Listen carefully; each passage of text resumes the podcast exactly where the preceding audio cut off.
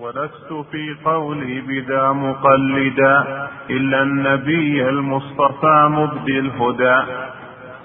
نعم يقول أنا على منهج السلف ولكن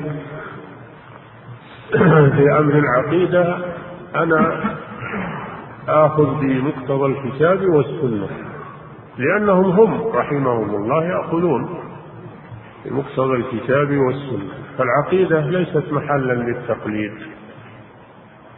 العقيدة ليست محلا للتقليد وإنما هي اتباع واقتداء.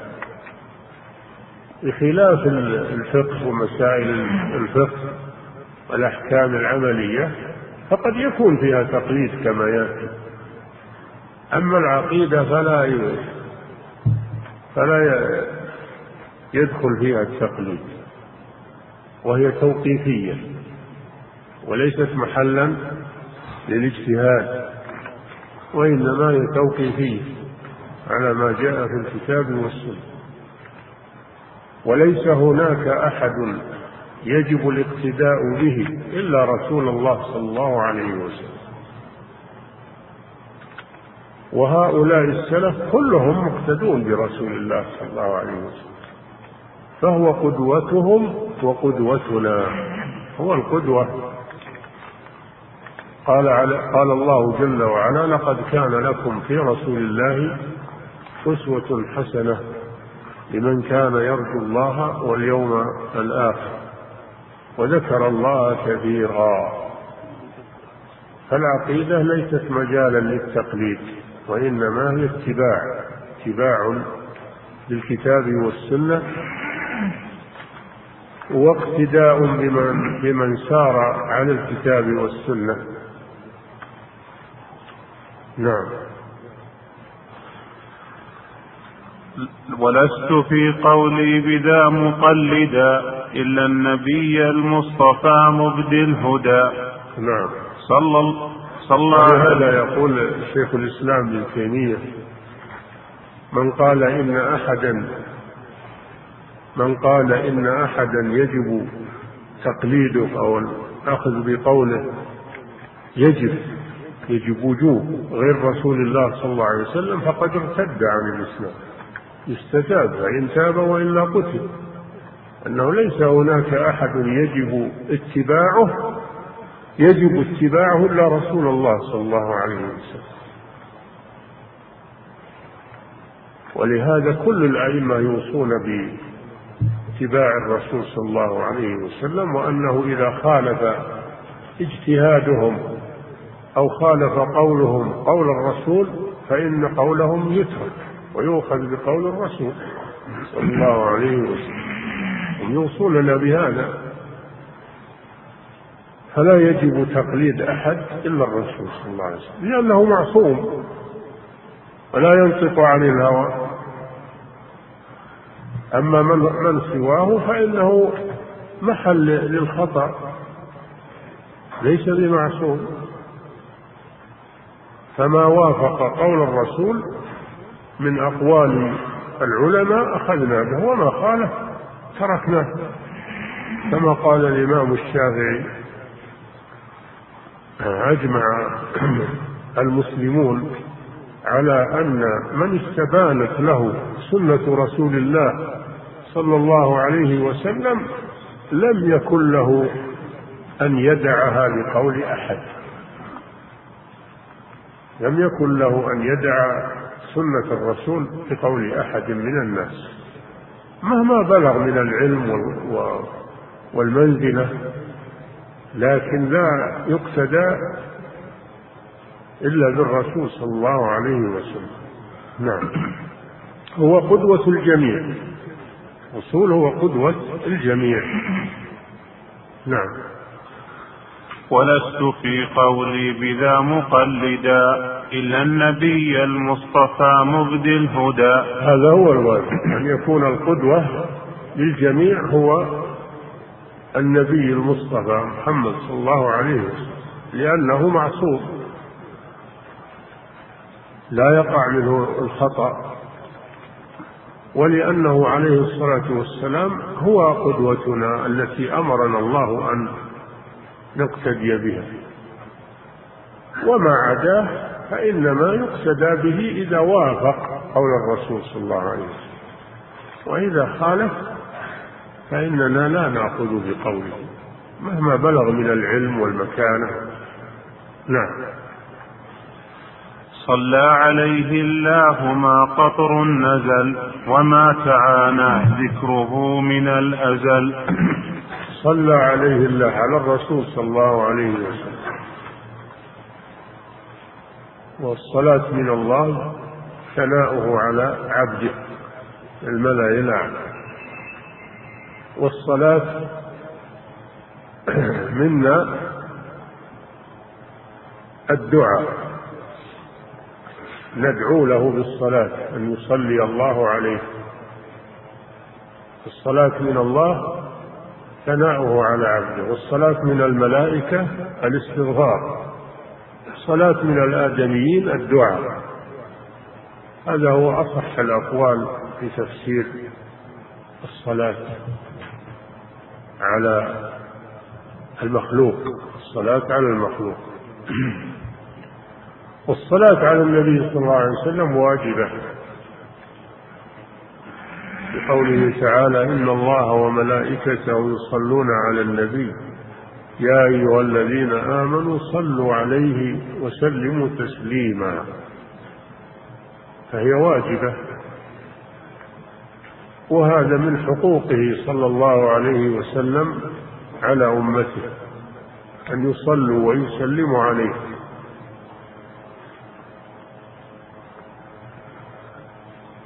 ما قطر نزل يعني بعدد على القطر بعدد القطر الذي ينزل. وما من يحصي عدد القطر إلا الله سبحانه وتعالى؟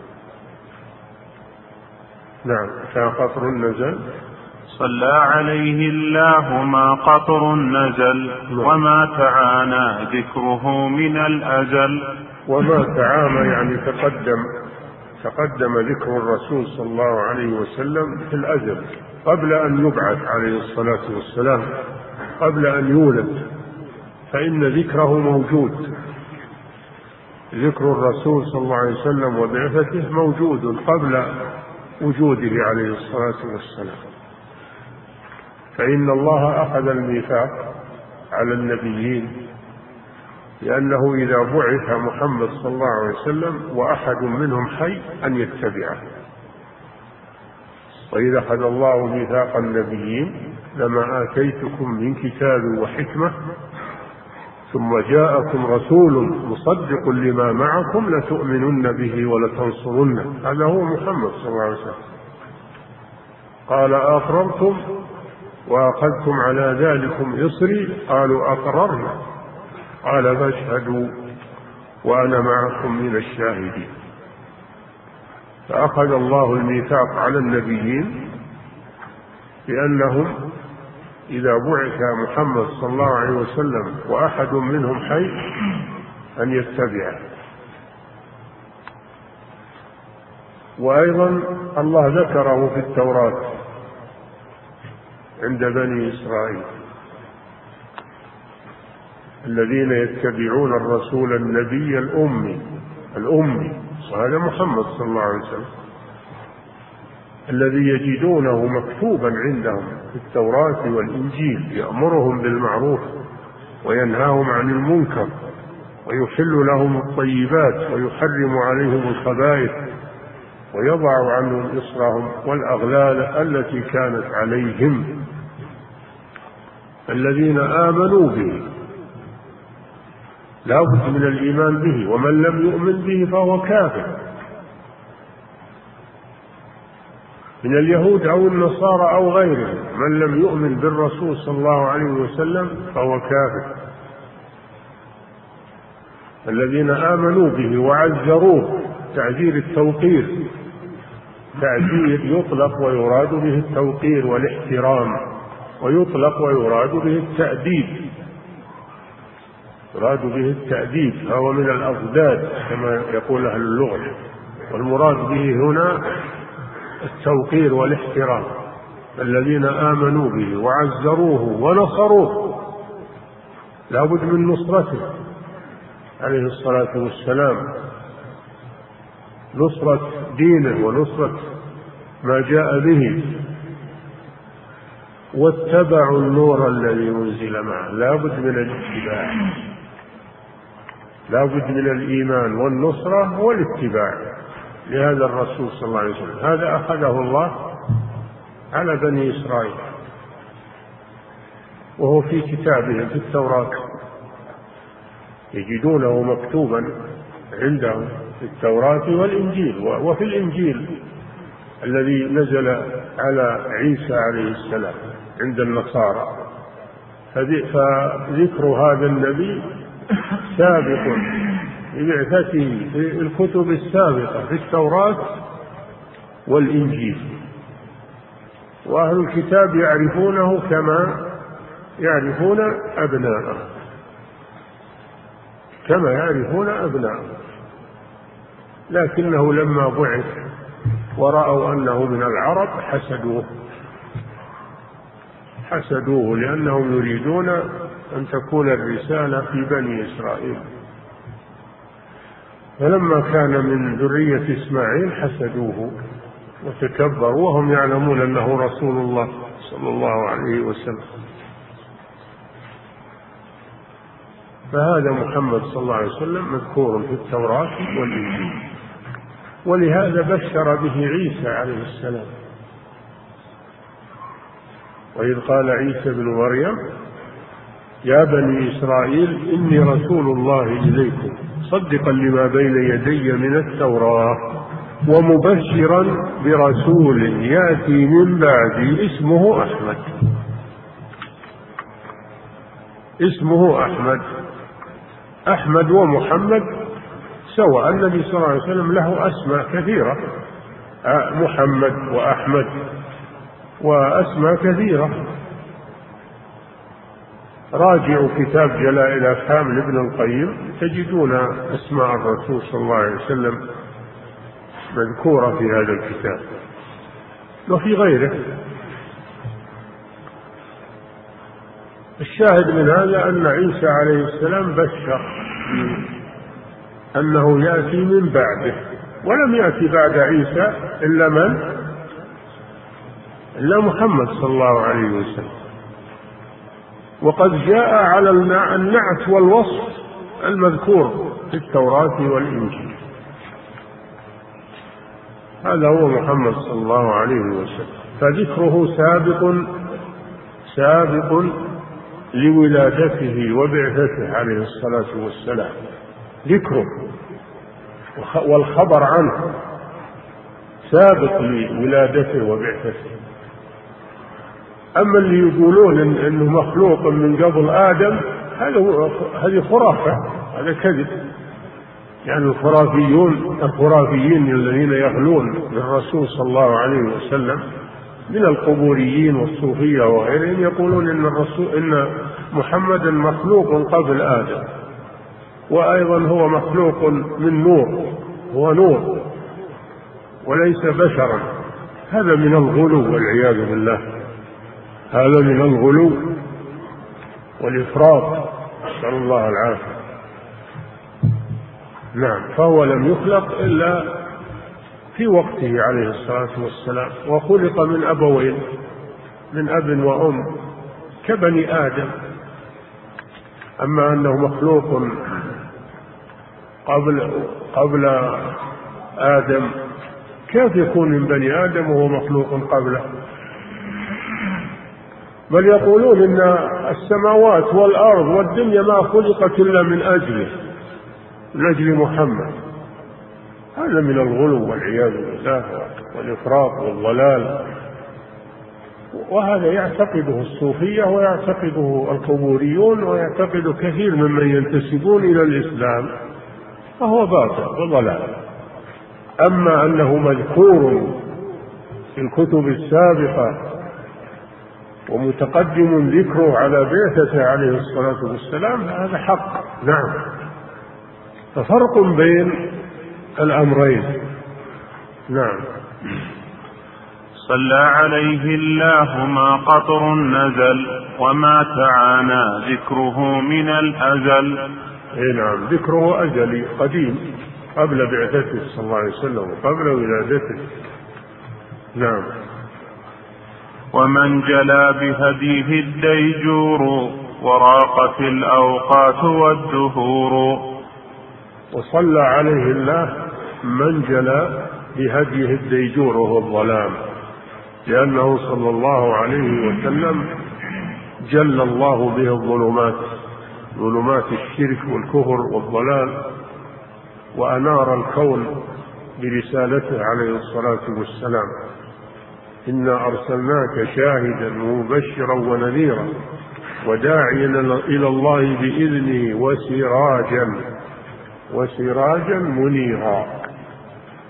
سراجا منيرا فهو سراج عليه الصلاة والسلام. أضاء الله به ظلمات. الشرك والكفر والضلال. وأعاد به الهدى والحق. بعدما انطمست آثاره. بعدما انطمست آثاره في الجاهلية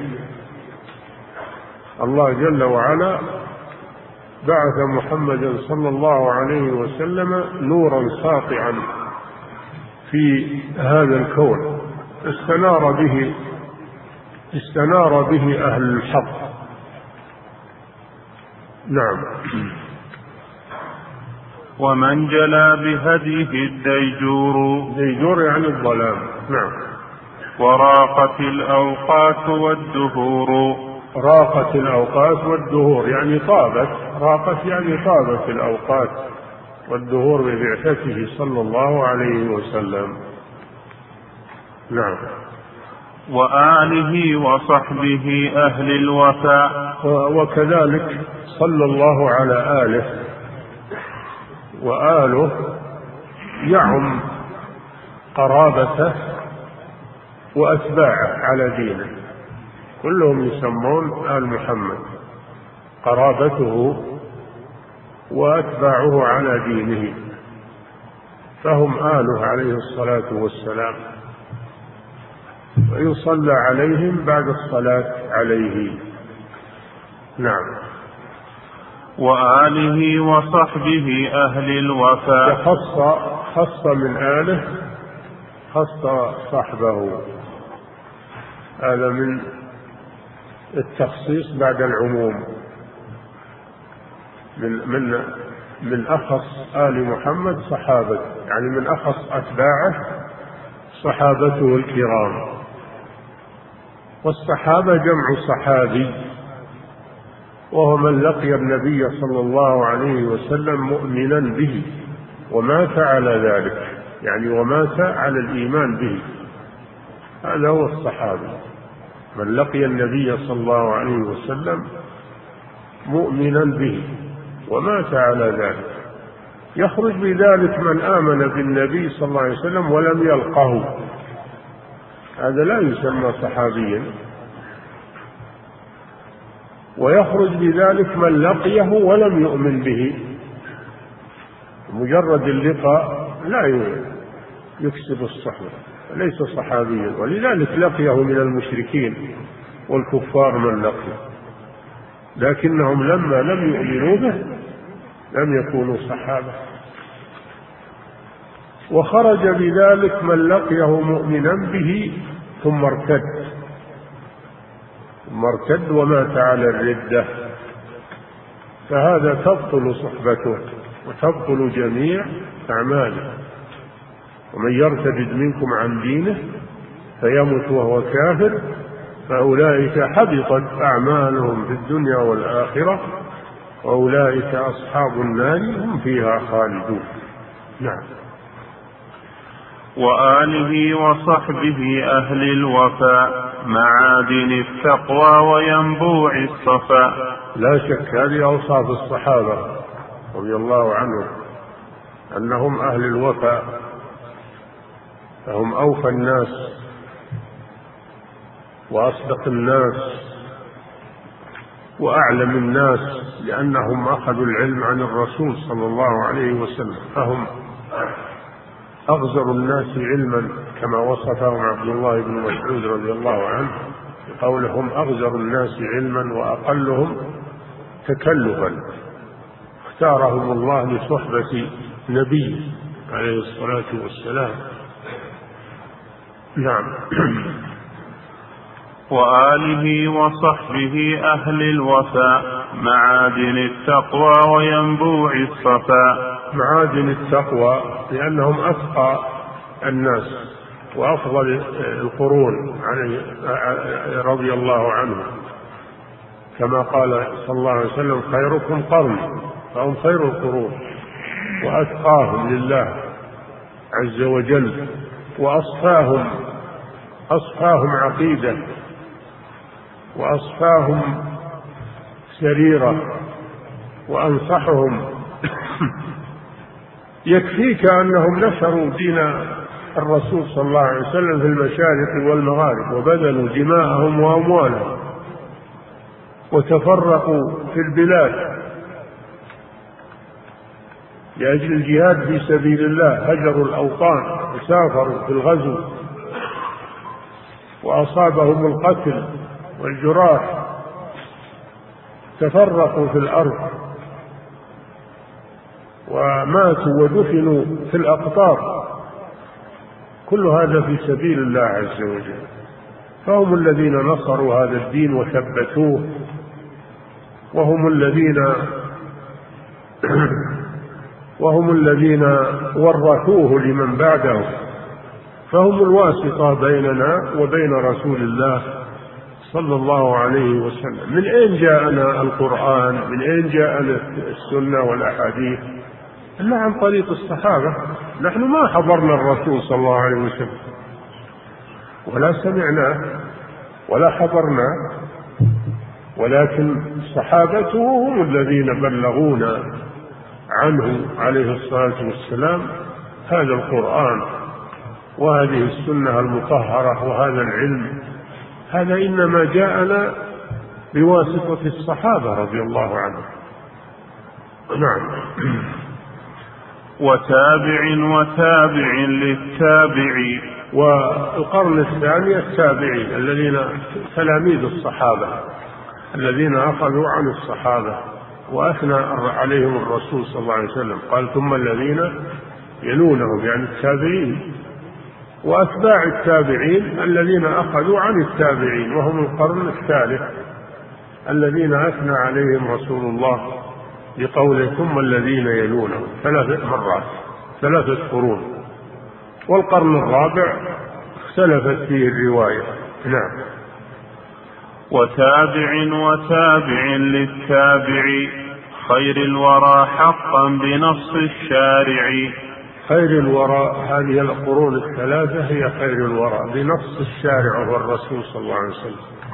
في قوله خيركم قرني ثم الذين يلونهم ثم الذين يلونهم هؤلاء هم خير القرون وهم القدوة لمن جاء بعدهم وهم السلف الصالح.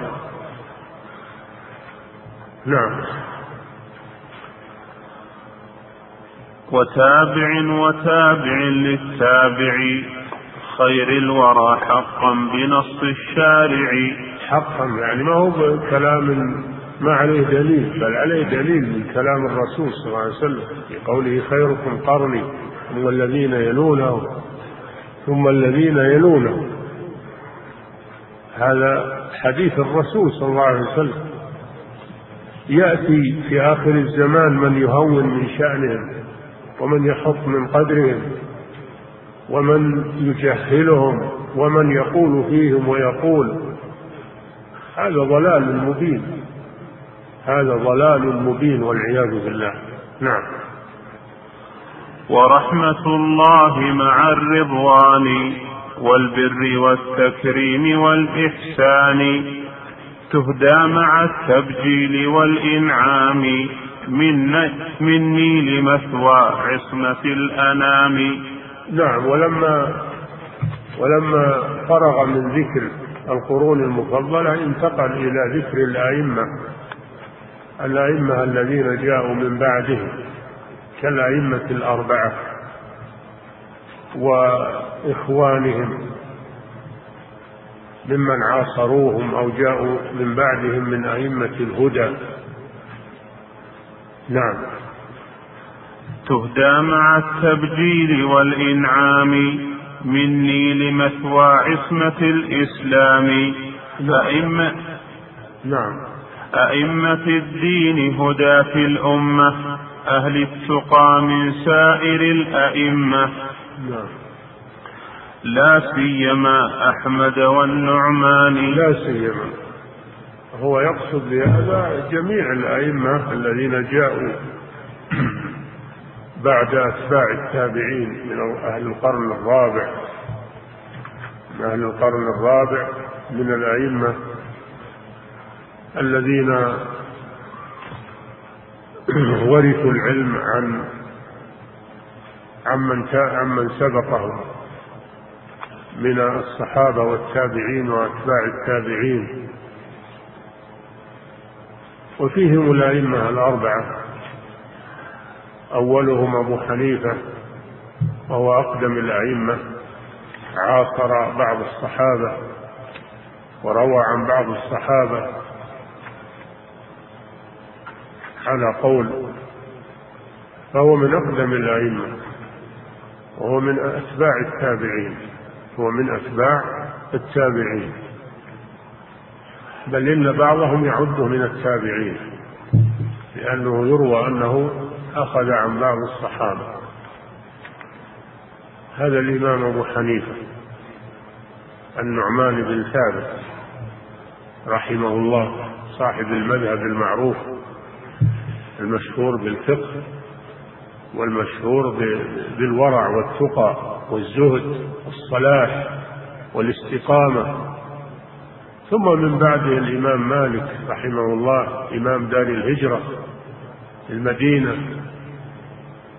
عالم الحديث والفقه.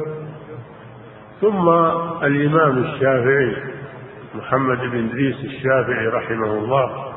ثم الإمام أحمد بن حنبل رحمه الله. هؤلاء هم الأئمة الأربعة الذين بقيت مذاهبهم في الناس مدروسة ومحررة ومتوارثة. وأما غيرهم فاندرست مذاهبهم ولم يبق لهم مذهب محرر ولكن بقيت أقوالهم في بطون الكتب والمراجع. من كتب التفسير وشروح الحديث والموسوعات الفقهية. موجود فقههم موجود فقه موجود فقه سفيان الثوري وسفيان بن عيينة وفقه آه، الأوزاعي وفقه. موجود هذا. موجود في الموسوعات. والحمد لله. نعم. لا سيما أحمد والنعمان ومالك محمد صنوان. محمد بن إدريس الشافعي. صنوان يعني أنه من قرابة الرسول صلى الله عليه وسلم فالشافعي من أهل البيت. الشافعي رحمه الله من أهل البيت. ونسب إلى إلى الشافعي إلى الشافعي لأن جده لأن جده اسم الشافعي. فقوله الشافعي أي نسبة إلى جده المسمى بشافع وهو من أهل البيت من بيت الرسول صلى الله عليه وسلم من قرابة الرسول. فهو صنوان يعني من صنو الرسول صلى الله عليه وسلم وقرابته رحمه الله. نعم. لا سيما أحمد والنعمان ومالك محمد الصنوان محمد بن إدريس الشافعي الذي هو من أهل البيت ومن قرابة الرسول صلى الله عليه وسلم. وهذا من فضائله رحمه الله. نعم. من لازم لكل أرباب العمل. تقليد حبر منهم فاسمع تخل. من؟ من لازم من, من لازم؟ نعم. من لازم لكل أرباب العمل. من لازم لكل؟ نعم. من لازم لكل أرباب العمل. كذا. نعم. من لازم لكل أرباب العمل تقليد حبر منهم فاسمع تخل. نعم يقول إن تقليد هؤلاء الأئمة تقليد هؤلاء الأئمة الأربعة والسير على مذاهبهم هذا أمر سائر. ولذلك الآن المذاهب الحنفي والمالكي والشافعي والحنبلي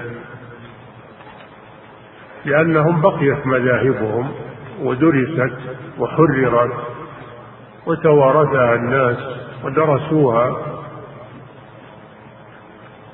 فتقليدهم في هذه الأمور تقليد سائر. لا ينكر على الحنفي أن يقول أنا حنفي ولا على الشافعي ولا على المالكي أن يقول أنا مالك ولا على الحنبلي. ما ينكر هذا لكن ينكر التعصب. لاحظوا الذي ينكر التعصب. وإلا مجرد الانتساب للمذهب هذا لا ينكر. لكن ينكر التعصب كأن يقول أنا ما آخذ إلا ما قاله الإمام أبو حنيفة. مثل متعصبة الحنفية أو الحنبلي اللي يقول ما آخذ إلا ما قاله الإمام أحمد. أو الشافعي اللي يقول ما آخذ إلا قول الشافعي. أو المالكي. فمجرد الانتساب إلى مذهب من المذاهب الأربعة لا بأس به. لكن لا يتعصب. بل إذا تبين الدليل فإنه يجب الأخذ به. ولو خالف مذهب الإمام الذي تنتسب إليه. وإذا كان الدليل مع الحنبلي يجب على بقية المذاهب أن تأخذ به. وإذا كان الدليل مع الحنفي يجب على الحنابلة والشافعية والمالكية أن يأخذوا به. المدار على الدليل إذا تبين. إذا تبين المدار على الدليل. أما الذي يتعصب يقول لا أنا بأخذ بقول الإمام ولو خالف الدليل لأنه أعلم مني. نقول لا هذا لا يجوز. يتعصب. هذا تعصب. فلا يجوز هذا العمل. هذا في حق التقليد هذا في حق الذي ليس عنده مدارك الاجتهاد المطلق. أما الذي عنده مسوغات الاجتهاد المطلق فلا يجوز له أن يقلده بل يأخذ باجتهاده. أما الذي ليس عنده مدارك ومؤهلات الاجتهاد المطلق هذا يقلد ولكن من غير تعصب. بل متى تبين له الدليل يتبعه مع من كان. من من الأربعة أو غيرهم. هذا هو الإنصاف والعدل والحق. أما التعصب فإنه مذموم. نعم. ومن نحى لسبلهم من الورى ما دارت الأفلاك أو نجم سرى. والصلاة والسلام على من؟ ها؟ من نحى لسبلهم من الورى. والصلاة والسلام أيضا على من نحى لسبل هؤلاء الأئمة. نعم. ومن نحى لسبلهم من الورى. من الناس, من الناس يعني. نعم. ما دارت الأفلاك أو نجم سرى. ما دارت الأفلاك؟ الأفلاك جمع فلك. وهو الشيء المستدير مثل فلكة المغزى. الله جل وعلا جعل النجوم جعل النجوم في أفلاك تسير في أفلاكها. كل نجم في فلك كما قال تعالى هو الذي خلق الليل والنهار والشمس والقمر كل في فلك يسبحون. جميع النجوم في أفلاك تسير في أفلاكها الشمس في فلك والقمر في فلك والنجوم كل نجم في فلك يسير في هذا الفلك. ولا يختلف ولا يختل. إلى أن ينتهي الأجل الذي قدره الله لهذه الدنيا فحينئذ تنتثر النجوم تنتثر النجوم. وتسقط الأفلاك لأن لأن هذه الدار انتهت وسينتقل العالم إلى دار أخرى وهي الدار الآخرة. نعم. ومن نحى لسبلهم من الورى ما دار في الأفلاك أو نجم سرى. نعم. هدية مني لأرباب السلف مجانبا للخوض من أهل الخلف. هدية هذه الصلاة هدية من الناظم لأهل السلف أتباع السلف. تقديرا لهم على ما هم فيه من الاتباع والاقتداء. والهدى فأهدى لهم هذه الصلاة وهي الدعاء لهم. نعم. هدية. هدية مني لأرباب السلف. هدية. نعم. هدية مني لأرباب السلف. مجانبا للخوض من أهل الخلف. مجانبا لما خاض فيه الخلف. من والخلف من ليسوا على مذهب السلف. الخلف من ليسوا على مذهب السلف ولو كانوا متقدمين في الزمان. فما داموا ليسوا على منهج السلف فإنهم خلوف. كما قال صلى الله عليه وسلم تخلف من بعدهم خلوف. يقولون ما لا يفعلون ويفعلون ما لا يؤمرون. هؤلاء خلوف. لا يجوز تقليدهم ولا يجوز الاقتداء بهم. ما داموا مخالفين لمنهج السلف الذي هو ما جاء به الرسول صلى الله عليه وسلم. فيجب أن تجتنب أقوالهم ومذاهبهم ويدخل في هذا سائر الفرق الضالة. الثنتين والسبعين فرقة ولا يبقى إلا فرقة واحدة وهي الثالثة والسبعين التي على ما كان عليه الرسول صلى الله عليه وسلم وأصحابه. هذه هي الفرقة الناجية. وما عداها فهو ضال. وضلاله يختلف إما أن يصل إلى الكفر وإما أن يكون دون ذلك. نعم.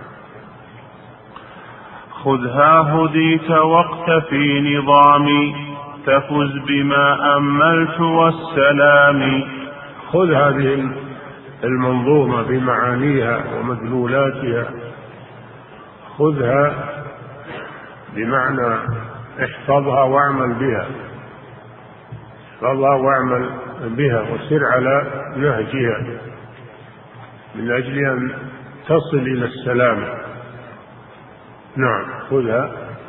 خذها هديت واقتفي نظامي تفز بما أملت والسلام تفز بأمرين بما أملت من الخير وتفز بالسلامة.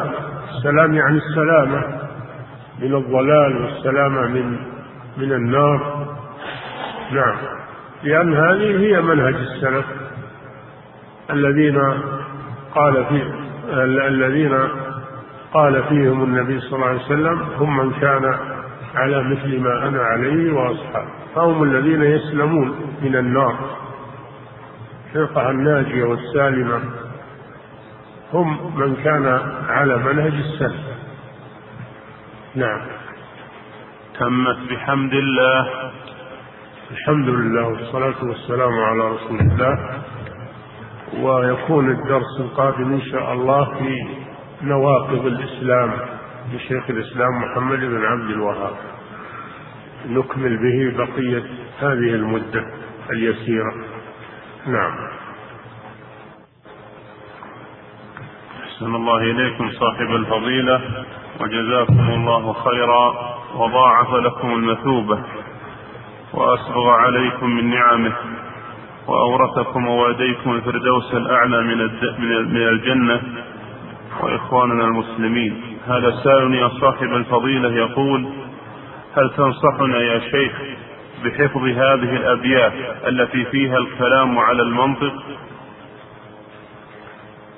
لا أنصح لكم بحفظها لأنها ليس فيها فائدة وصعبة فيها صعوبة عظيمة وبعدين الفائدة ما فيها فائدة.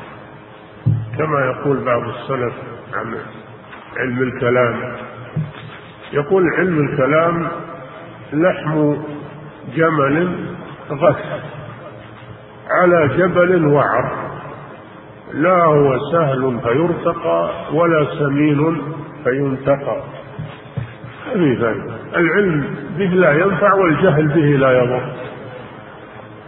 جهله لا يضر وعلمه لا ينفع. فلا فائدة فيه. وقد أغنانا الله جل وعلا بكتابه وسنة رسوله صلى الله عليه وسلم. نعم. وهذا منطق منين جاء؟ جاء من اليونان. مجلوب من من اليونان. فهو من علوم اليونان الكفرة. جاء به المأمون عفى الله عنه. لما ترجم الكتب اليونانية جاء هذا المذهب الخبيث وانتشر وهو لا فائدة فيه بل فيه مضرة. نعم.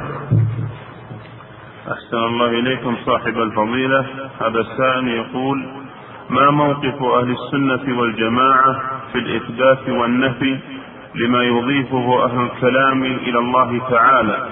من أوصاف وكلام قد يكون له مراد لا يفهمه إلا أهل العلم. أبدا ما نقبل الإضافات ولا الزيادات. ما نثبت لله من الأسماء والصفات إلا ما أثبته الله في كتابه أو أثبته له رسوله صلى الله عليه وسلم. ولا نثبت شيئا من من عند أنفسنا أو من عند غيرنا. ما فيه إضافات ولا فيه زيادات نعم. أحسن الله إليكم صاحب الفضيلة. هذا السائل يقول هل يثبت الحد لله تعالى أم ينفى عنه؟ هل؟ هل يثبت الحد لله تعالى أم ينفى عنه؟ أنتم أخذتم فيما سبق وتكرر عليكم إنه لا يثبت لله إلا ما أثبته لنفسه وأثبته له رسوله. وأما ما لم يرد في الكتاب والسنة فهذا لا يثبت ولا ينفى مثل الجسم مثل العرض مثل الجسم والعرض والأشياء هذه. هذه لا تثبت لله عز وجل. والأعضاء والأبعاض وكل هذه اصطلاحات كلامية لا تثبت ما لم يكن في الكتاب والسنة فنحن لا نثبته لله عز وجل. نعم. أحسن الله إليكم صاحب الفضيلة. هذا السائل يقول إذا ذكر الرسول صلى الله عليه وسلم في المجلس عدة مرات فهل يجب في كل مرة أن يصلي ويسلم عليه المستمعون والمتكلم؟ أم أنه يكتفى به في المرة الأولى والمرات الباقية يكون بالجواز؟ الوجوب لا يجب إلا في المواضع التي التي ورد الأمر بالصلاة عليه فيها مثل التشهد الأخير من الصلاة مثل عند ذكره عليه الصلاة والسلام ومثل الصلاة عليه في الخطب. هذا يجب أما ما عدا هذا فمستحب وكل ما أكثرت من الصلاة والسلام على الرسول كثر لك الأجر قال صلى الله عليه وسلم من صلى علي واحدة صلى الله عليه بها عشرا و ورجل وسأل النبي صلى الله عليه وسلم أحد الصحابة قال له أجعل لك من صلاتي كذا وكذا إلى أن قال أجعل لك صلاتي كلها؟ قال إذا تكفى همك ويغفر ذنبك. يعني كل ما أكثر من الصلاة على النبي صلى الله عليه وسلم كثر ثوابه وأجره. ولا تحرم نفسك إنك تصلي وتسلم عليه في المجلس أكثر من مرة. زيادة خير وزيادة أجر. نعم. أحسن الله إليكم صاحب الفضيلة. هذا السائل يقول إذا أمر الخطيب يوم الجمعة بالصلاة على النبي صلى الله عليه وسلم ثم قرأ الآية فهل أصلي عليه أم أنصت؟ لا تصلي عليه. تصلي عليه. امتثالا لأمر الله عز وجل. يا أيها الذين آمنوا صلوا عليه. وسلموا تسليما. نعم. أحسن الله إليكم صاحب الفضيلة. هذا السائل يقول ما الفرق بين قول الصلاة على الرسول صلى الله عليه وسلم هي من الناس دعاء ومن الملائكة استغفار مع أن الاستغفار دعاء؟ الدعاء أعم من الاستغفار. الدعاء أعم من الاستغفار. نعم. أحسن الله إليكم صاحب الفضيلة. هذا السائل يقول يحدث في هذا المسجد وربما في غيره أنه إذا تأخر المتأخر عن صلاة المغرب فيأتي والإمام في التشهد الأخير. السؤال هل ندخل معه في الصلاة أم ننتظر جماعة أخرى وأيهما أفضل وأولى؟ إن كان تعلم أنه بيجي ناس أو أو شفت ناس دخلوا فإنكم تصلون جماعة لكن ما تقيمون الجماعة حتى يسلم الإمام لأنه ما تقام جماعتان في آن واحد.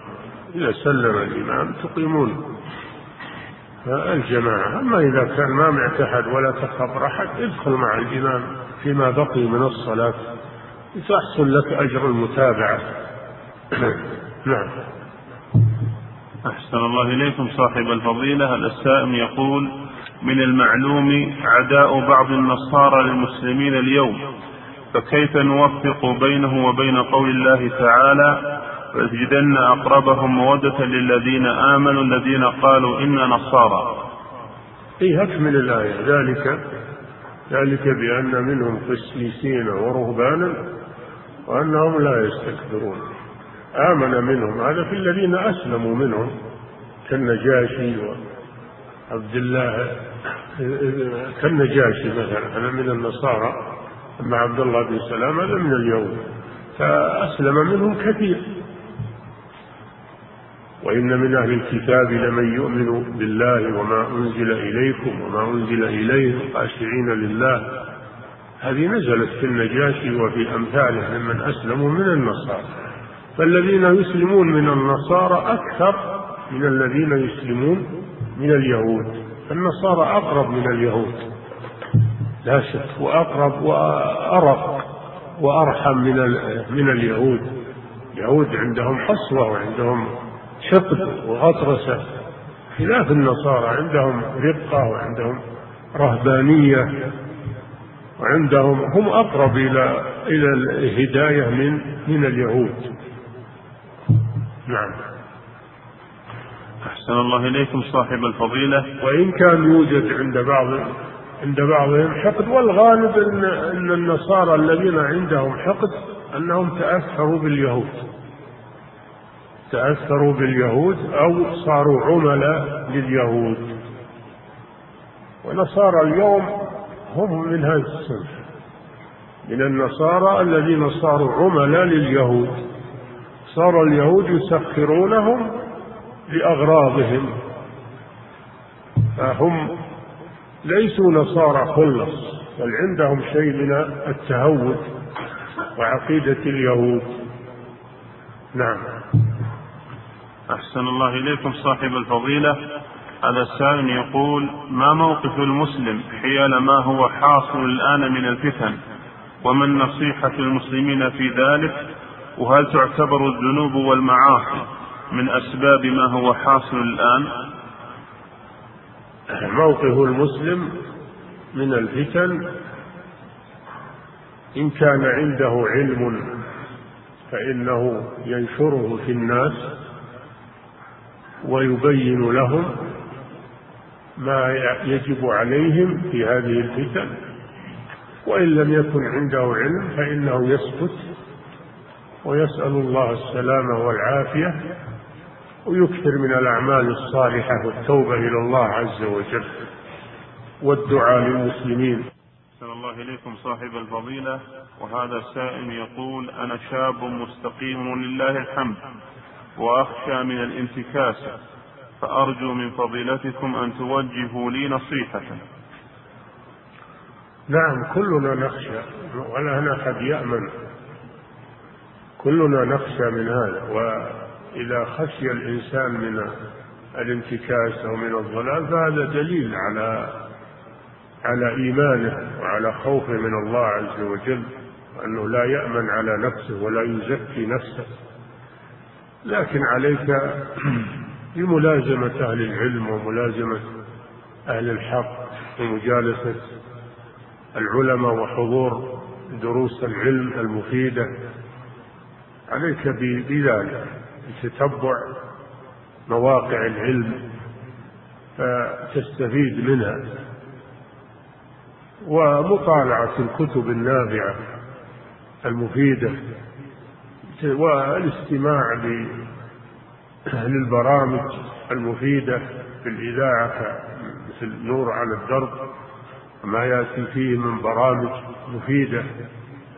وتلاوات للقرآن الكريم فهذه من أسباب الثبات على الحق والهداية. نعم.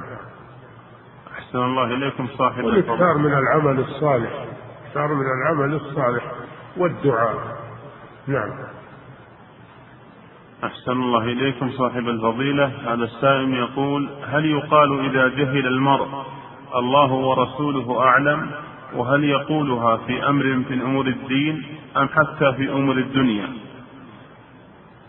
هذا كان يقال على حياة الرسول صلى الله عليه وسلم. يقال الله ورسوله أعلم. لما توفي الرسول صلى الله عليه وسلم يقال الله أعلم. يقال الله أعلم.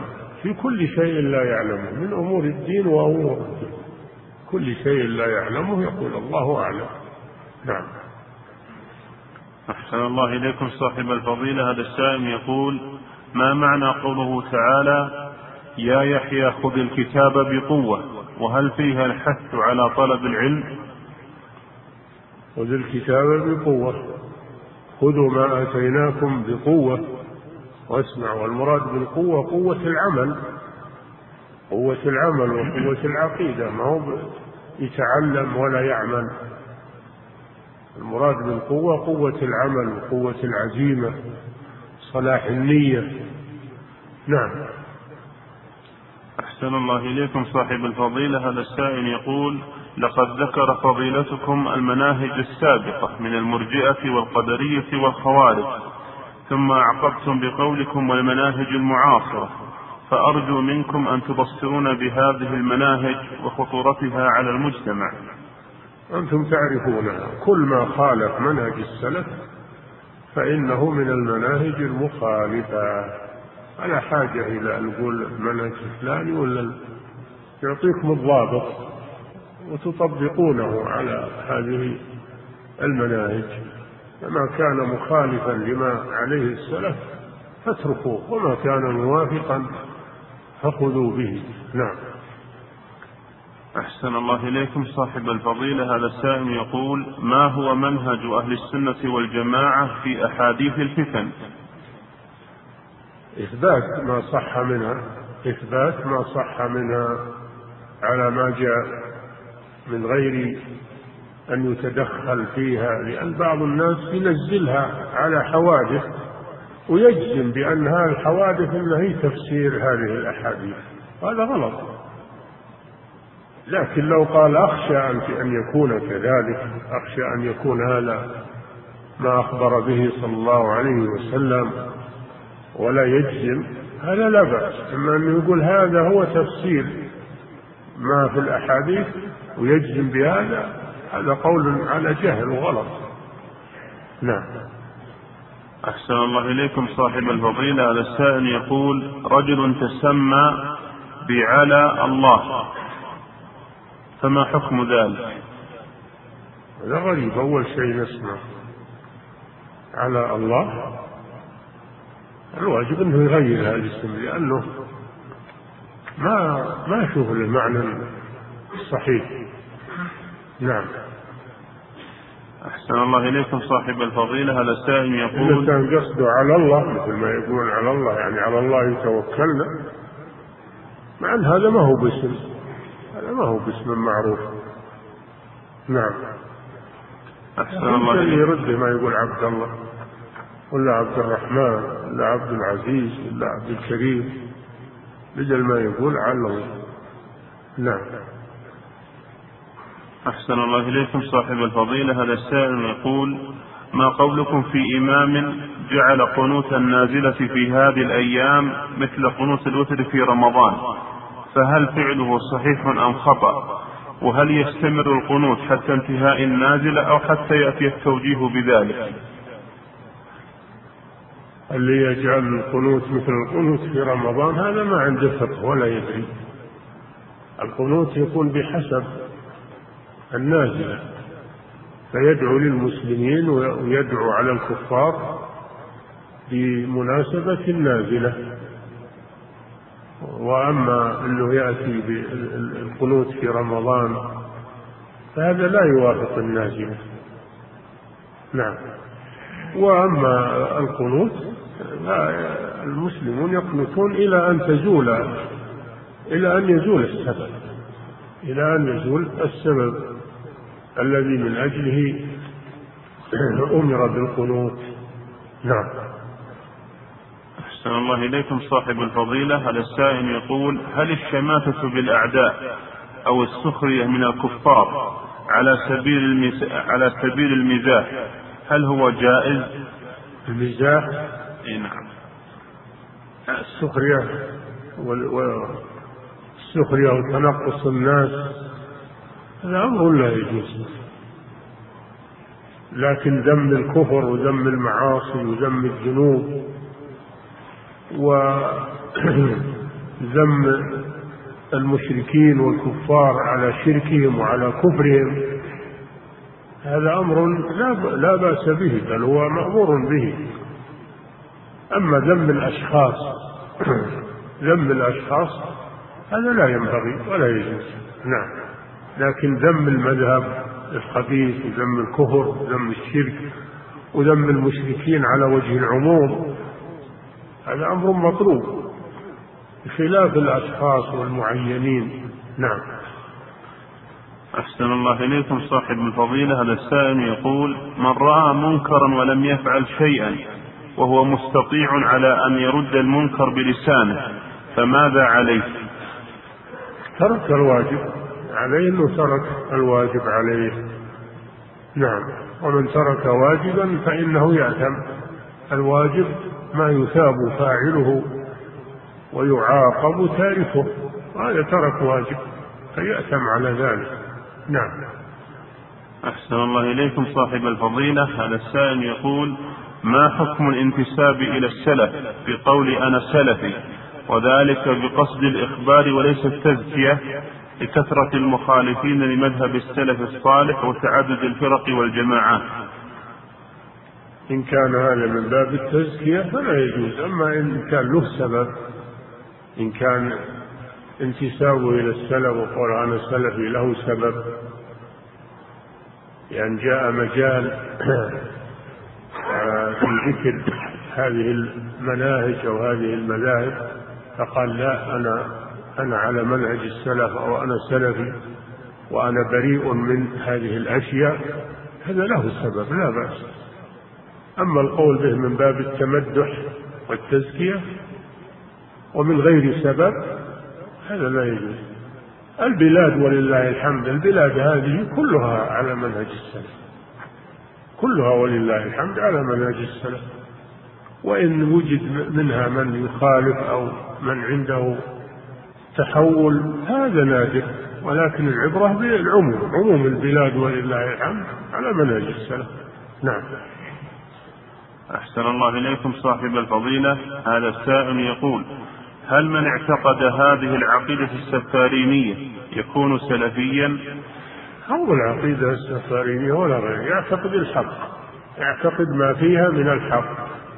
مو علشان إنها السفارينية أو إنها البيقونية أو إنها كذا أو إنها كذا على انها على أنها حق. نعم يعتقد ما فيها من حق. نعم. أحسن الله إليكم صاحب الفضيلة. هذا السائل يقول هل هناك فرق بين العقيدة والمنهج؟ المنهج أعم.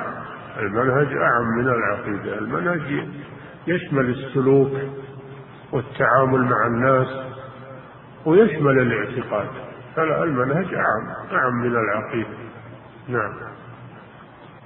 أحسن الله إليكم صاحب الفضيلة.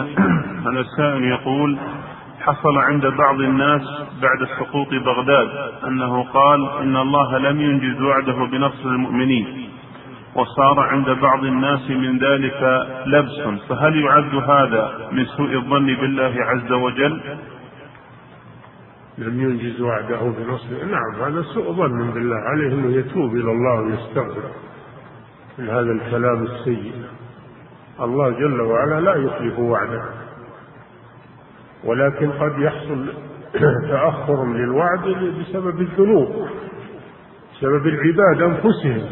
أما لو أن العباد استقاموا فإن الله لا يخلف وعده. فإذا حصل تخلف هذا دليل على خلل في العباد. في وقعة أحد في وقعة أحد حصل على المسلمين ما حصل وهم صحابة رسول الله صلى الله عليه وسلم. بسبب من عندهم هم. أولما أصابتكم مصيبة قد أصبتم مثليها قلتم أن هذا قل هو من عند أنفسكم. إن الله على كل شيء قدير. فتخلف النصر في بغداد أو في غيرها هذا دليل على قصور في المسلمين. نعم. لا على تخلف في وعد الله جل وعلا. نعم. أحسن الله إليكم صاحب الفضيلة. هذه سائلة تقول اعتاد بعض الناس عند ولادة المولود أن يقدموا هدايا للضيوف ومنهم من يقدم مع الحلوى مصاحف صغيرة جدا فهل يجوز ذلك؟ أما المصاحف الصغيرة جدا هذا لا يجوز. هذا يجب إتلافها لأنها من العبث بكتاب الله عز وجل. كتابتها بهذه الصفة هذه عبث بكتاب الله. وربما يجعلونها خروزا يعلقونها. لا يجوز العبث بكتاب الله إلى هذا الحد؟ وكذلك إهداء الحلوى هذا أظنه مستورد من عادات النصارى والكفار ليس من عادات المسلمين. ليس هذا من عادات المسلمين. إنما إذا أهدي إلى أم شيء من المال أو أهدي لها شيء من الثياب أو تفريحا لها فلا بأس. الشيء اللي فيه منفعة أما الحلوى وأما هذه التقاليد أو الزهور أو ما أشبه ذلك هذه تقاليد باطلة. نعم. أحسن الله إليكم صاحب الفضيلة. هذا السائل يقول ما حكم الترضي على السلف من التابعين أو أتباعهم؟ كأن يقال الإمام أحمد رضي الله عنه. طيب.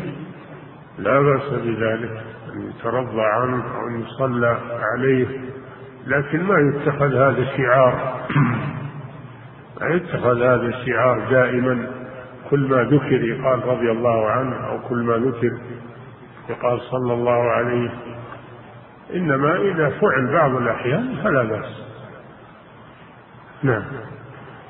أحسن الله إليكم صاحب الفضيلة. إنما الشعار بالترضي هذا في حق الصحابة. الشعار في الصلاة هذا في حق النبي صلى الله عليه وسلم. نعم. أحسن الله إليكم صاحب الفضيلة. هذا السائل يقول هل كلمة الشارع يجوز إطلاقها على النبي صلى الله عليه وسلم أم هي خاصة بالله جل وعلا؟ أصل الشارع والمشرع هو الله جل وعلا والرسول عليه الصلاة والسلام مبلغ عن الله فهو مشرع بمعنى أنه مبلغ عن الله ما شرعه فلا بأس بإطلاق ذلك. نعم.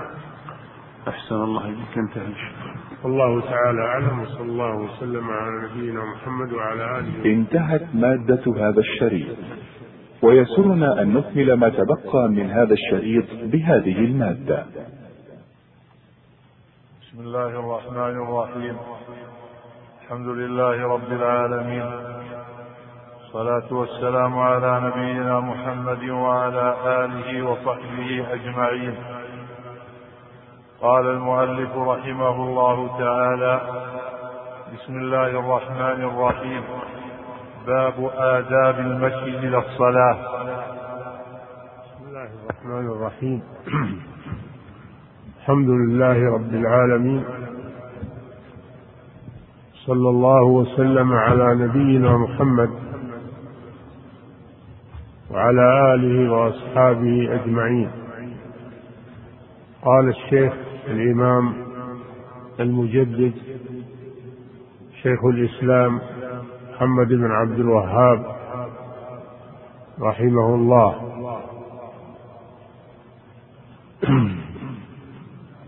كتاب آداب المشي إلى الصلاة. الشيخ رحمه الله في هذا الكتاب ذكر العبادات الثلاث الصلاة والزكاة والصيام. ثلاثة أركان من أركان الإسلام.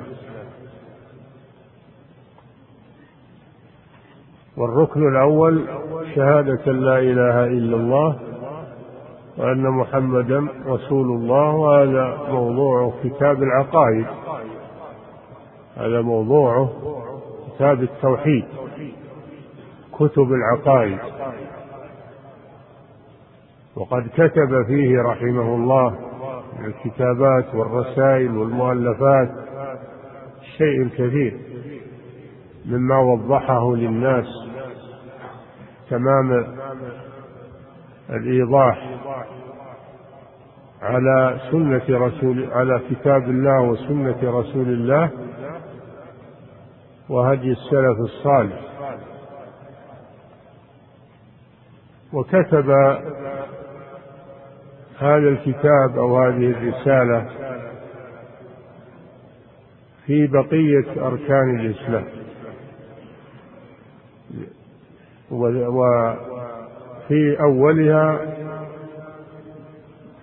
يعني أركان الإسلام بعد الشهادتين. أولها الصلاة. لأنها ثانية أركان الإسلام. ثم بعدها الزكاة التي هي قرينة الصلاة. ثم بعدها الصيام. صيام شهر رمضان. هذه ثلاثة أركان من أركان الإسلام في هذا الكتاب. وأما الحج وهو الركن الخامس فهذا لم يكتب فيه شيء في هذه الرسالة لأن الحج له كتب خاصة ومناسك خاصة مؤلفة كثيرة. فهو اقتصر على هذه الأركان الثلاثة الصلاة الزكاة الصيام. وذلك تمشيا مع ضرورة الناس إلى تعلم هذه الأركان. لأن تعلم هذه الأركان الخمسة فرض عين على كل مسلم. فرض عين يجب على كل مسلم من ذكر أو أنثى أو عربي أو عجمي أن يتعلم هذه الأركان الخمسة. وهي ما يستق وهي ما لا يستقيم دين العبد إلا بها. وأما بقية وأما بقية الأحكام كالبيع وبقية الأحكام والمعاملات والأنكحة والطلاق إلى والمواريث فهذه تعلمها فرض كفاية إذا قام بها من يكفي سقط الإثم عن الباقين وبقيت في حق الباقين سنة تعلمها سنة. وأما هذه الأركان الخمسة الشهادتان الصلاة الزكاة الصيام الحج. هذه الأركان الخمسة هذه تعلمها فرض عين على كل مسلم. لأنه لا يستقيم الدين إلا بها. وقوله رحمه الله آداب المشي إلى الصلاة. ليس الكتاب كله في هذا الموضوع الآداب المشي إلى الصلاة وإنما هذا أول هذا أول مسألة في هذا الكتاب. فعنون الكتاب بذلك لأنها أول مسألة فيه. عنون الكتاب بهذه المسألة. آداب المشي إلى الصلاة. والآداب جمع أدب وهو ما ينبغي للمسلم أن يتخلق به. والمشي معناه السعي السعي إلى الصلاة الصلاة المفروضة. المراد بالصلاة هنا الصلاة المفروضة. لأنها تحتاج إلى سعي وذهاب إلى المسجد. لأن صلاة الجماعة واجبة وتكون في المساجد التي أذن الله أن ترفع ويذكر فيها اسمه. لا تصلى في البيوت وإنما تصلى في المساجد. فتحتاج إلى سعي يعني إلى مشي إلى المساجد لأداء هذه الصلاة. والمشي إلى المساجد عبادة لأنه وسيلة إلى الصلاة. فالذي يمشي إلى المسجد في عبادة. كل خطوة يخطوها يرفع له بها درجة ويحط عنه بها خطيئة.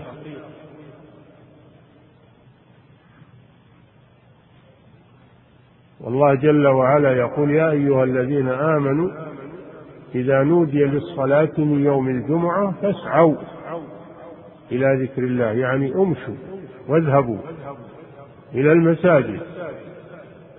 ويقول جل وعلا في بيوت أذن الله أن ترفع المساجد ويذكر فيها اسمه. يسبح له فيها بالغدو يسبح يعني يصلي. الصلاة تسمى تسبيحا وتسمى سبحة. وفي قوله تعالى وسبح بحمد ربك قبل طلوع الشمس وقبل غروبها. يعني صل صلاة الفجر وصلاة العصر. يسبح له فيها بالغدو يعني الصباح وصلاة الفجر والآصال وهو المساء. يبدأ من الظهر العصر المغرب العشاء. هذه خمسة أوقات بالغدو والآصال. الغدو الفجر والآصال فيها بقية الصلوات.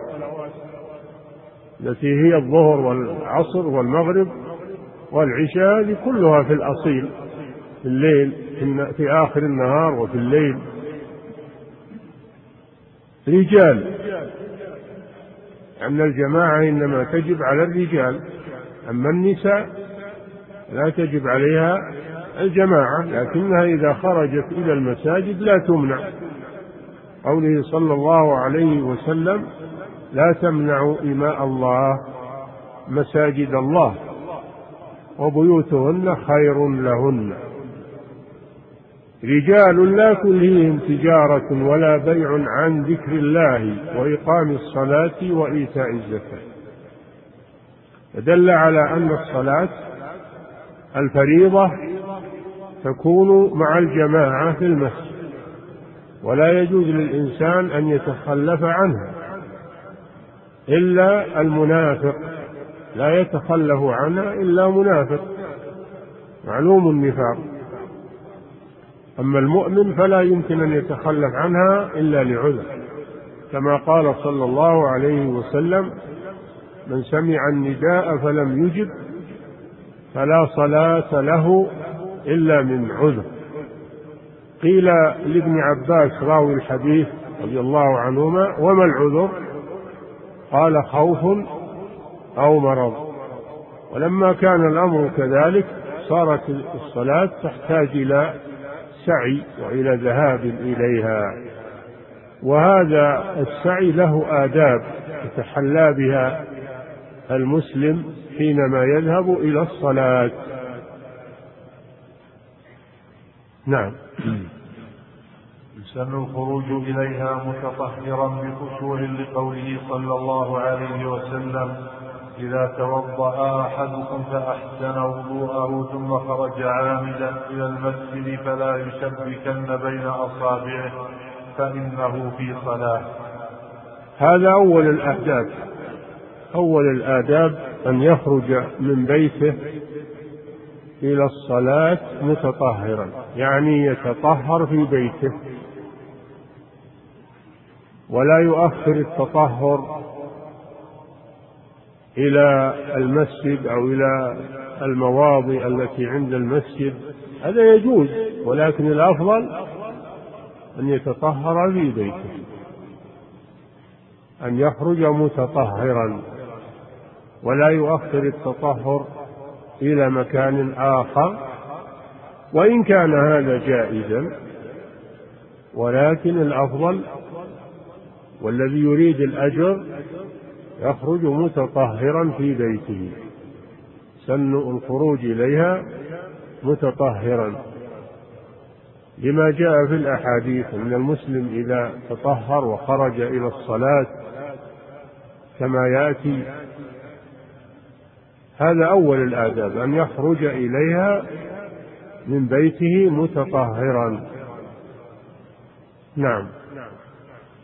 وأن يقول إذا خرج من بيته ولو لغير الصلاة بسم الله آمنت بالله. هذا الأدب الثاني أن يقول عند الخروج من بيته أن يقول عند الخروج من بيته بسم الله أي أستعين بالله سبحانه وتعالى. بسم الله أستعين. نعم. بسم الله آمنت بالله. اعتصمت بالله. بسم الله آمنت بالله. آمنت بالله. يعلن الإيمان. يعلن الإيمان بالله سبحانه وتعالى. والإيمان بالله هو الإيمان بتوحيده وعبادته وأسمائه وصفاته. الإيمان بربوبيته وإلهيته وأسمائه وصفاته. هذا هو الإيمان بالله عز وجل. آمنت بالله. يعلن هذا. نعم توكلت على الله. بسم الله اعتصمت بالله.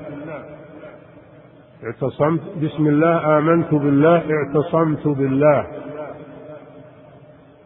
بمعنى أن المسلم يعلق قلبه بالله ويلجأ إلى الله ويعتصم به من شر من شر الأعداء من الجن والإنس. ومن يعتصم بالله فقد هدي إلى صراط مستقيم. واعتصموا بالله هو مولاكم. اعتصموا بالله يلجأوا إليه سبحانه وتعالى. الجأوا إليه واطلبوا منه الحفظ والرعاية والتوفيق. ومن اعتصم بالله عصمه الله عز وجل. اعتصمت بالله توكلت على الله فوضت أمري إلى الله. والتوكل من أعظم أنواع العبادة. قال تعالى وعلى الله فتوكلوا إن كنتم مؤمنين. قال تعالى وعلى ربهم يتوكلون. قال تعالى ومن يتوكل على الله فهو حسبه أي كافيه التوكل على الله من أعظم أنواع العبادة. ولا يجوز التوكل على غير الله عز وجل. نعم. اعتصمت بالله توكلت على الله ولا حول ولا قوة إلا بالله. ولا حول ولا قوة إلا بالله. هذا تبرؤ من الحول والقوة. العبد يتبرأ من الحول والقوة. لأنه ضعيف. ولا وليس له حول ولا قوة إلا بالله سبحانه وتعالى.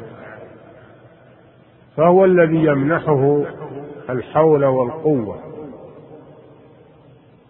فهذا اعتراف بالعجز اعتراف بعجز العبد وحاجته إلى أن يمده الله بالعون بالحول وهو القدرة والتحول تحول من حالة إلى حالة. لا حول أي لا تحول من حالة إلى حالة إلا بالله. لا تحول من مكان إلى مكان إلا بالله. ومن ذلك التحول من البيت إلى المسجد. تحول من الكفر إلى الإيمان التحول من المعصية إلى الطاعة. كل هذا لا, لا يكون إلا بالله سبحانه وتعالى. والقوة لله جل وعلا هو القوي العزيز فهو القوي وهو الذي يمنح القوة للناس. فهذا فيه إعلان العجز والاعتصام بالله عز وجل وأن العبد إن لم إن لم إن لم يقوه الله ويعنه فإنه عاجز. نعم. اللهم إني أعوذ بك أن أضل أو أضل. اللهم إني هذا طلب. هذا بعد أن أثنى على الله عز وجل سأله. فالأول دعاء عبادة وهذا دعاء مسألة. الثناء على الله دعاء عبادة. والطلب من الله هذا دعاء مسألة. اللهم إني أسألك. اللهم أصله يا الله ثم حذفت ياء النداء وعوض عنها الميم. اللهم. نعم. اللهم إني أعوذ بك أن أضل أو أضل أعوذ. أو أذل اللهم إني أعوذ. العوذ هو الالتجاء إلى الله عز وجل. ولا يجوز أن يطلق هذا إلا في حق الله تقول أعوذ بالله ولا تقول أعوذ بفلان بل تقول أعوذ بالله. والعوذ نوع من أنواع العبادة أيضا. نعم. اللهم إني أعوذ بك أن أضل أو أضل أو أذل أو أزل أو أظلم أو أظلم. أو أجهل أو يجهل علي اللهم إني أعوذ بك أن أضل الضلال ضد الهدى أن أضل في ديني وعقيدتي كما ضل أكثر الناس أو أضل أي أن أحدا يضلني من دعاة السوء شياطين الجن والإنس. لأن دعاة السوء يضلون الناس. فمن أظلم ممن افترى على الله كذبا ليضل الناس بغير علم. فشياطين الجن والإنس ودعاة الضلال يضلون الناس إذا أطاعوهم. وما ضل من ضل من الخلق إلا بسبب دعاة الضلال. فأنت تستعيذ بالله منهم. أن أضل أو أضل أو أزل. أزل الزلل هو الخطأ. الخطأ ضد الصواب. أن تزل في دينك أن تزل في عقيدتك أن تزل في أمور دينك. من الزلل وهو الخطأ والخروج عن الحق.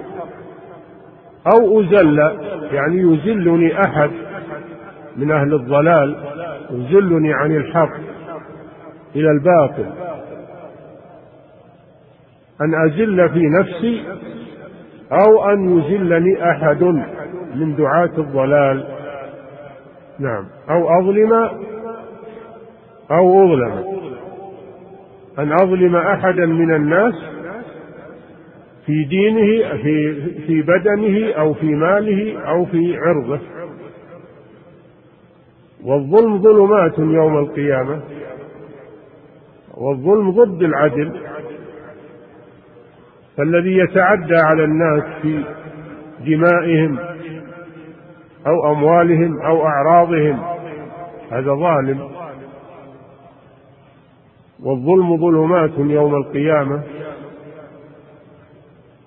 فأنت تستعيذ بالله أن تكون ظالما أن تظلم نفسك أو تظلم غيرك. والظلم ثلاثة أنواع ظلم بين العبد وبين ربه وهو الشرك. قال تعالى إن الشرك لظلم عظيم. النوع الثاني ظلم العبد لنفسه وذلك بالذنوب والمعاصي.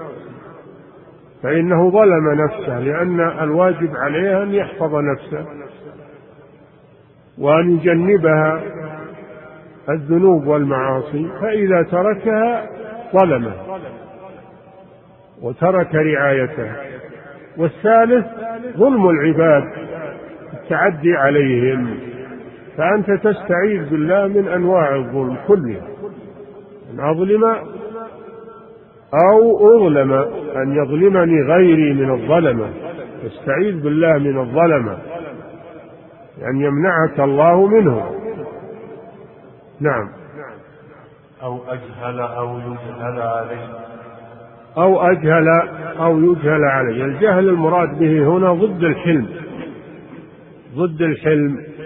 أن تجهل على أحد بالاعتداء عليه. أو أن أحدا يجهل عليك فيتعدى عليك كما قال الشاعر ألا لا يجهلن أحد علينا؟ فنجهل فوق جهل الجاهلين. الجهل المراد به هنا ضد الحلم. نعم.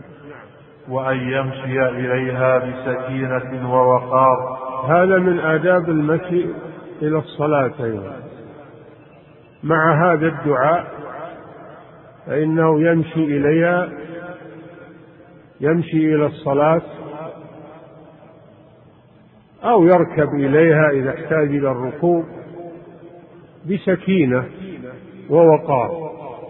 الفرق بين السكينة والوقار أن السكينة تكون بالحركات والوقار يكون في الهيئة.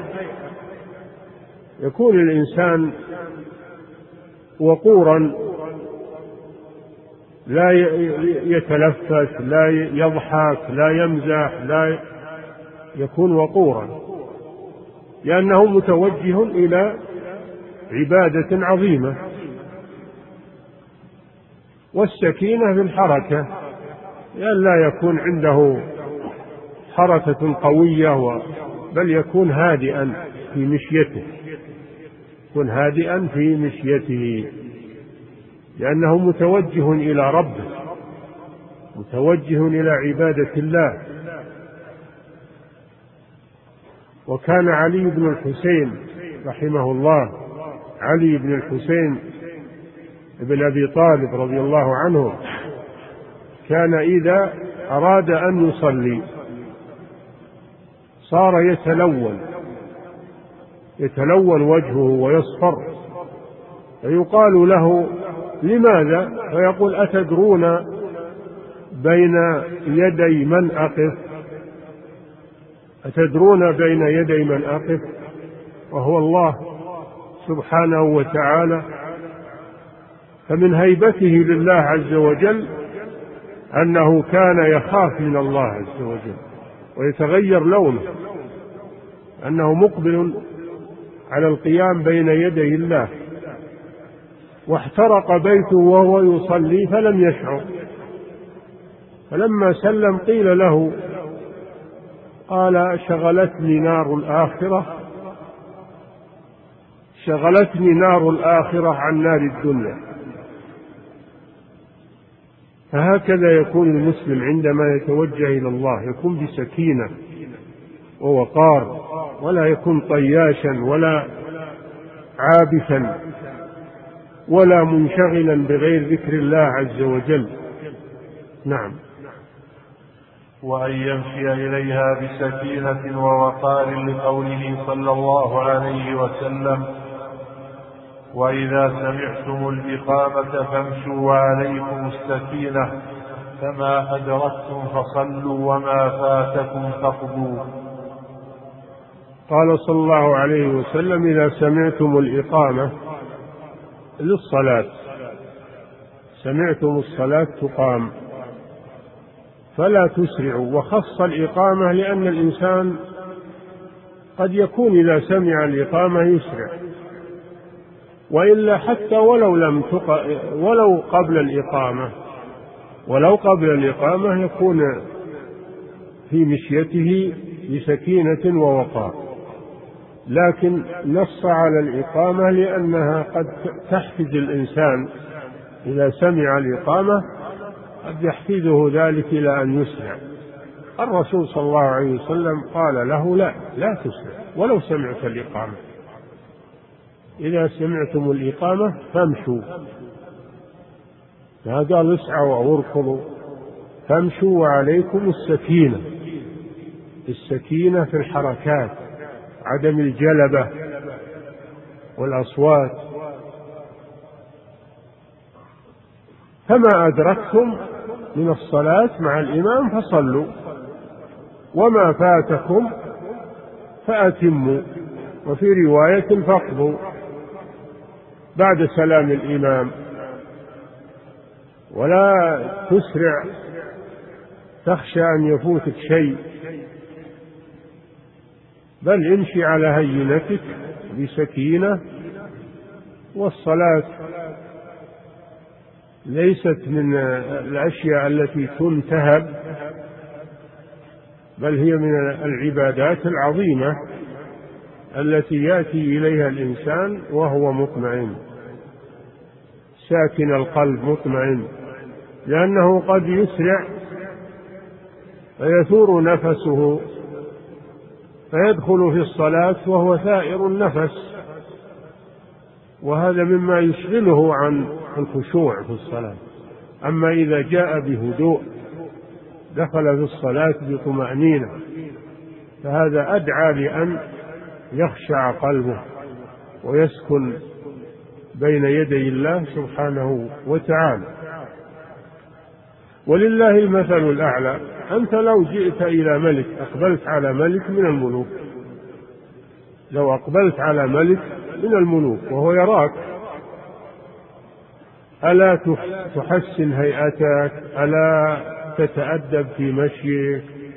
ألا تحسب كل حركاتك خوفا منها أو أو أو هيبة لهذا الشخص؟ الله جل وعلا أولى بأن تهابه.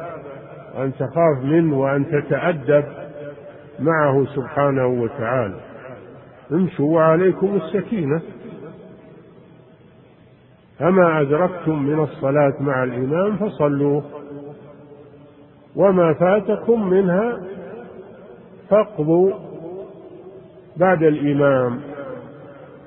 وفي رواية أتموا. نعم. وأن يقارب بين خطاه ويقول اللهم وكذلك من آداب المشي إلى الصلاة أن يقارب بين خطاه ما يمد خطاه وإنما يقارب بينها. لماذا؟ لأجل أن تكثر خطواته. تكثر خطواته فيعظم فيعظم أجره عند الله سبحانه وتعالى. فأنت في مشيك إلى الصلاة وخطواتك أنت في عبادة. يكتب لك الأجر على خطواتك. فقارب بين الخطى لأجل أن تكثر ويعظم أجرك عند الله عز وجل. نعم. وأن يقارب بين خطاه ويقول اللهم إني أسألك بحق السائلين عليك. وبحق ممشاي هذا فإني لم أخرج أشرا ولا بطرا ولا رياء ولا سمعة. خرجت خرجت اتقاء سخطك وابتغاء مرضاتك. أسألك أن تنقذني من النار وأن تغفر لي ذنوبي جميعا. إنه لا يغفر الذنوب إلا أنت. نعم يستحب أن يقول هذا الدعاء. اللهم إني أسألك بحق السائلين عليك وبحق ممشاي هذا فإني لم أخرج أشرا ولا بطرا ولا رياء ولا سمعة خرجت اتقاء غضبك وابتغاء مرضاتك أسألك أن تغفر أن تنقذني من النار وأن تغفر لي ذنوبي جميعا إنه لا يغفر الذنوب إلا أنت. هذا ورد في حديث بتمامه. لكن الحديث ضعيف لأنه من رواية عطية العوفي وهو شيعي متشيع وهو ضعيف الرواية فالحديث ضعيف. ولكن لو صح الحديث فليس فيه محذور لأنه يقول أسألك بحق السائلين. وليس معنى ذلك التوسل بالمخلوقين كما يظنه أهل الجهل أو أهل الضلال.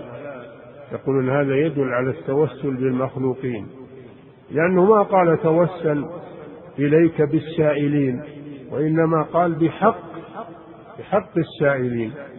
وحق السائلين على الله هو الإجابة. قال تعالى وإذا سألك عبادي عني فإني قريب أجيب دعوة الداعي إذا دعان. وقال ربكم ادعوني أستجب لكم. هذا حق أوجبه الله على نفسه سبحانه وتعالى. فهذا صفة من صفات الله. فأنت تتوسل إلى الله بصفة من صفاته وهي إجابة السائلين. ولم تتوسل بالسائلين أنفسهم أو بالمخلوقين. وبحق ممشاي هذا ممشاك عبادة. فأنت تتوسل إلى الله تتوسل إلى الله بالعبادة. ويجوز للإنسان أنه يتوسل إلى الله بأعماله الصالحة. يجوز للإنسان أنه يتوسل إلى الله بأعماله الصالحة. ربنا آمنا بما أنزلت واتبعنا الرسول. توسلوا بالعباد بعبادته فاكتبنا مع الشاهدين. فأنت تتوسل إلى الله جل وعلا بعملك الصالح. ويجوز للإنسان أنه يتوسل إلى الله بذلك. أسألك بحق السائلين عليه الذي أوجبته على نفسك وهو إجابته. وبحق ممشاي هذا إلى المسجد إنه عبادة وعمل صالح. أن وأسألك بحق السائلين عليك وبحق ممشاي هذا. نعم. فإني لم أخرج. فإني لم أخرج. أشرا ولا بطرا ولا رياء ولا سمعة. كذلك هذا عمل صالح. خروجك خروجك إلى المسجد خاليا من هذه الأمور يدل على الإخلاص على الإخلاص لله عز وجل. هذا عمل صالح. لم أخرج أشرا ولا بطرا.